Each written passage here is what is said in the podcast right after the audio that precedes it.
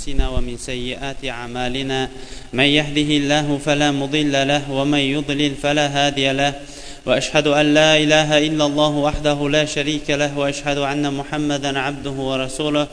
ثم عما بعد.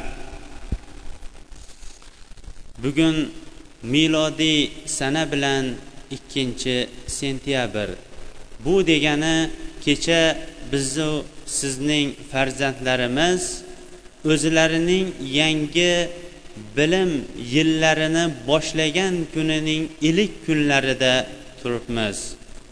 Alloh subhanahu va taolo qur'oni karimda payg'ambarimiz sollallohu alayhi vasallam o'zlarining muborak hadisi shariflarida ilmning fazilati haqida qachon maqtamasin?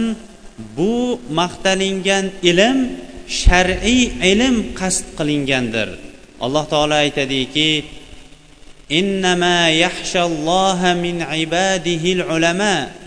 ollohdan ko'proq qo'rquvchilar ular olimlar bo'ladi. Boshqa oyatda esa astayzibillah hal yastavillazina ya'lamuna vallazina la ya'lamun? Biladigan odamlar bilan bilmaydigan odamlar endi barobar bo'la oladimi? deydi. Javobimiz aniqki barobar bo'la olishmaydi. Payg'ambarimiz sollallohu alayhi vasallam man salaka tariqan yaltamisu fihi ilman sahhalallohu bihi tariqan ilal janna deb marhamat qildilar. Ya'ni kim ilm talab qilib yo'l yuradigan bo'lsa alloh taolo uning yurgan shu yo'li sababli unga jannat yo'lini oson qilib qo'yadi. Shar'iy ilmni talab qilayotgan tolibi ilmlar uchun nihoyatda katta fazilatli amallar va'da qilingan. Hattoyinki farishtalar ularga o'zlarining qanotlarini qo'yib turadi ular qilayotgan amalidan rozi bo'lganligi uchun. Yerdagi ho'lu quruq hamma narsa hatto dengizdagi baliqlar ham tolibi ilm uchun ollohdan istig'for mag'firat talab qilib turadi degan hadislar shar'iy ilmni talab qilayotganlar uchun va'da qilingan. Shariatimizda shar'iy ilmni talab qilishlik targ'ib qilinar ekan xuddi shunday dunyoviy ilmni ham talab qilishlik targ'ib qilinib keladi. Tariximizga qaraydigan bo'lsak al farobiy ibn sino qo'yingki boshqa boshqa nomlari butun jahonga tanilib kelgan olimlar birinchi shar'iy ilmni o'zlariga mujassam qilganliklaridan keyin dunyoviy ilmni ular ola olishdi. Dunyoviy ilmlari bilan ana undan keyin ular dunyoga tanilgan edi. Ibn sino o'n yoshiga to'lishidan avval qur'onni ko'targani haqida bu o'zining tarixida yozadi.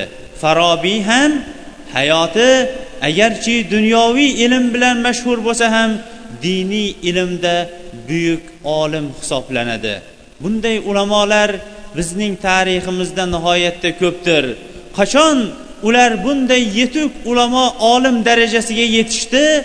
Qachon ular din bilan dunyoni ushlay olishganida?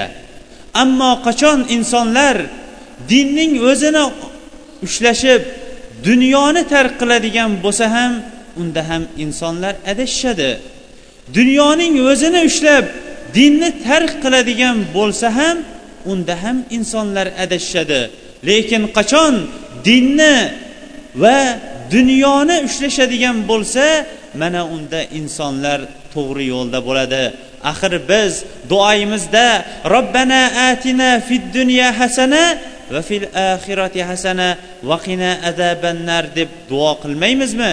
Ya'ni iloyo bizlarga dunyodagi hasanot yaxshiliklarni va oxiratdagi yaxshiliklarni ber va jahannam olovidan o'zing saqla deb duo qilamizku. Bu oyatda ham dunyo va oxiratni dinni bir o'rinda jamlab kelyapmiz. Darhaqiqat farzandlarimizni dunyoviy ilmlarga o'qitganimizga o'xshash bu diniy ilmlardan ham ma'lumot berishlik ota onaning ustida bo'lgan ham farz ham qarz bo'lgan amallarining bittasi hisoblanadi. Payg'ambarimiz sollallohu alayhi vasallamning hadislaridan jamlagan holatda ota onaning ustidagi vojib amallarning uchtasida zarur bo'lgan dinidagi zarur bo'lgan ilmni farzandlariga o'rgatib qo'yishlik. Shuning uchun ham modomiki kecha hammamiz ham farzandlarimizni yasantirib ularni to'liq to'kis qilib turib ilm dunyoviy ilm o'choqlariga jo'natganimizga o'xshash endi buyog'i oxiratdan ham ularni eslatib oxirat tomon ham talpinishliklarga yordam berishligimiz bu sizu biz ota onalar uchun bo'lgan ham farz ham qarz bo'lgan amallarning bittasidir. Chunki ollohni tanigan va allohga qulchilik qilgan har qanaqa farzand hech qachon ming dunyoviy ilmlar bo'yicha katta mutaxassis bo'lib ketgan vaqtda ham bu dunyoda fasod tarqatish u yoqda tursin boshqa undan ham kattaroq amallarga qo'l urmaydi. Shuning uchun ham biz farzandlarimizga dunyoviy ilm berganda diniy ilmni berishligimiz ham darkordir. Darhaqiqat bu amalni bilmagan bo'lsak endi bilib amal qilishlik esa sizu biz ota onalar uchun ham farz ham qarz amaldir.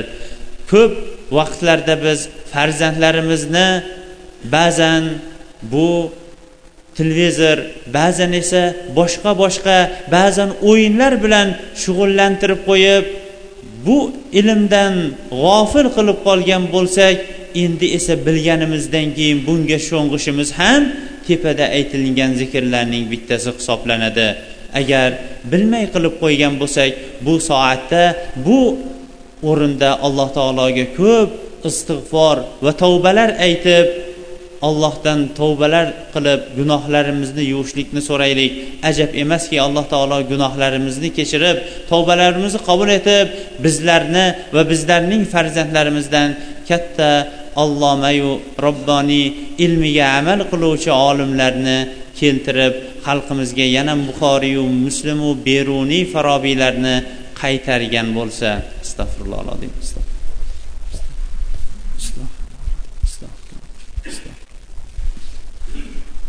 bismillah alhamdulillah vassalatu vassalamu ala rasulilloh va ala alihi va sahbihi va man ihtada bihadihi ila yawmiddin. Alloh subhanahu va taolo iymon egalariga yana xitob qilib aytadiki billah ya ayyuhallazina amanu qu anfusakum va ahlikum naro. Ya'ni ey iymon keltirgan kishilar sizlar avvalambor o'zinglarni ana undan keyin o'zinglarning ahlinglarni jahannam olovidan saqlanglar. Jahannam olovidan inson o'zini saqlashlik olloh buyurgan narsalarni qilishlik qaytargan narsalardan qaytishlik ana undan keyin ahliga ham o'shani buyurishlikdir. Darhaqiqat ota ertalab farzandini uyg'otar ekan birinchi namozga uyg'otishlikni niyat qilsin. Hech qachon maktab soati yetib qolgan vaqtda maktabni deb turib uyg'otmasin balki birinchi namozga deb uyg'otsin. Namozga turgan bola ochiq va tiniq fikr bilan uyg'onadi. O'zining robbisiga qilgan iltijodan keyin ana undan keyin olgan ilmi uning miyasiga xuddi o'yilgan naqshday kiradi. Ana undan keyin xoh o'g'il bola bo'lsin xoh qiz bola bo'lsin. Uni ko'chaga kuzatib qo'yayotgan ham ota ham ona uning ustvoriga bir qarab ham qo'ysin.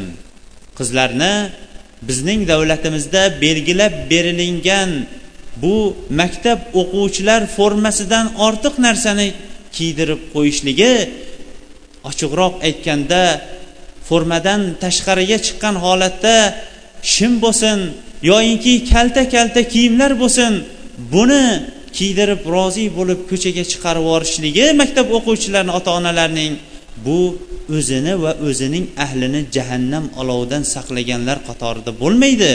U yerda bu farzand endi borib ilm talab qilsinmi yoyinki o'zini birovlarga ko'z ko'z qilsinmi? U farzand ilm talab qilsinmi hattoyinki dars berib turgan domlasining ham fikrini chalg'itib qo'ysinmi? Demak ota ona ertalab farzandni maktabga yoinki o'qish o'chog'iga chiqarib yuborar ekan mana bu o'rinda ham bir surishtirib qo'ysin. Va keladigan vaqti ham soat nechida keladi? Nechida bo'shaydi? Qachon kech qolib qolyapti? Kimlar bilan ko'proq yuryapti? Chekadigan bolalar bilan ko'p yuryaptimi? Yoinki burchak burchaklarda o'tiradigan bolalar bilan birga yuryaptimi? Bular haqida ham bir ota ona tergab qayerga borayotganligini maktabdan bo'sh bo'lgan vaqtlarda kimlar bilan yurganligini ham bir so'rab qo'ysin. Chunki ulamolar aytishganki kishi o'zining do'stlarining dinida bo'ladi yurgan yo'lida bo'ladi degan. Agar farzandingiz olloh o'zi saqlasin bugungi kunda ofat farzandlarimiz uchun ofat bo'layotgan bu kashandalikka o'rganib qolsa bilingki sizning hayotingizning qolganini umringizni hayotini qolgani kesib bo'libdi. Yoinki ichuvchi bo'lsa yoinki chekimlikka duchor bo'lgan farzand bo'lsa bu ham bizning boshimizga tushgan balolarning bittasidir. Maktabda agar o'qituvchilar o'quvchilarni qabul qilib olsa ota onalar ham ularga to'liq holatda topshirsa darslarni ham ota onalar uyga kelgan vaqtida surishtirib ularga yordam berib o'qishiga yordam beradigan bo'lsa va farzandlarini qabul soatma soat qabul qilib oladigan bo'lsa hech qachon farzandlarning e falonchining farzandi chekadigan falonchining farzandi esa ichadigan bo'lib qolibdi degan muammolar balkim ancha kamayib qolgan bo'larmidi? Darhaqiqat payg'ambarimiz sollallohu alayhi vasallam kullukum roin va kullukum mas'ulun an raiyatihi dedilar. Ya'ni sizlarning har biringiz boshliqsiz va shu boshliqligingizda qiyomat kunida javob berajaksiz. Er kishi uyida boshliqdir va qo'li ostidagilarda qiyomat kunida allohning oldida javob beradi. Ayol kishi ham o'zining qo'li ostidagi ishlarida boshliqdir va qiyomat kunida o'sha boshliqligi uchun javob beradi. Shu jumlada ham agarchi oramizda o'qituvchilar bo'ladigan bo'lsa ham ularga ham qiladigan bizning diniy nasihatimiz bu o'rinda ham o'quvchilarni o'qitayotgan vaqtda agarchi qaysi sohada bo'lmasin dunyoviy sohalarda bo'ladigan qaysi bir sohada ham ularni yaratguvchisi va bu sohani yaratgan zot kim ekanligi haqida ham eslatib qo'yishligini unutmasligi bu har bir mo'min va mo'mina bo'lgan muallima uchun va muallim va muallima uchun ham farz ham qarz bo'lgan amaldir alloh subhanava taolo sizlarniyu bizlarni va farzandlarimizni qaysi bir sohada o'qimasin qaysi bir o'rinda bo'lmasin qaysi bir vatanda bo'lmasin ollohni taniydigan va unga qulchilik qiladigan farzandlardan qilsin اللهم اعز الاسلام والمسلمين واذل الشرك والمشركين واحمي حوزه الدين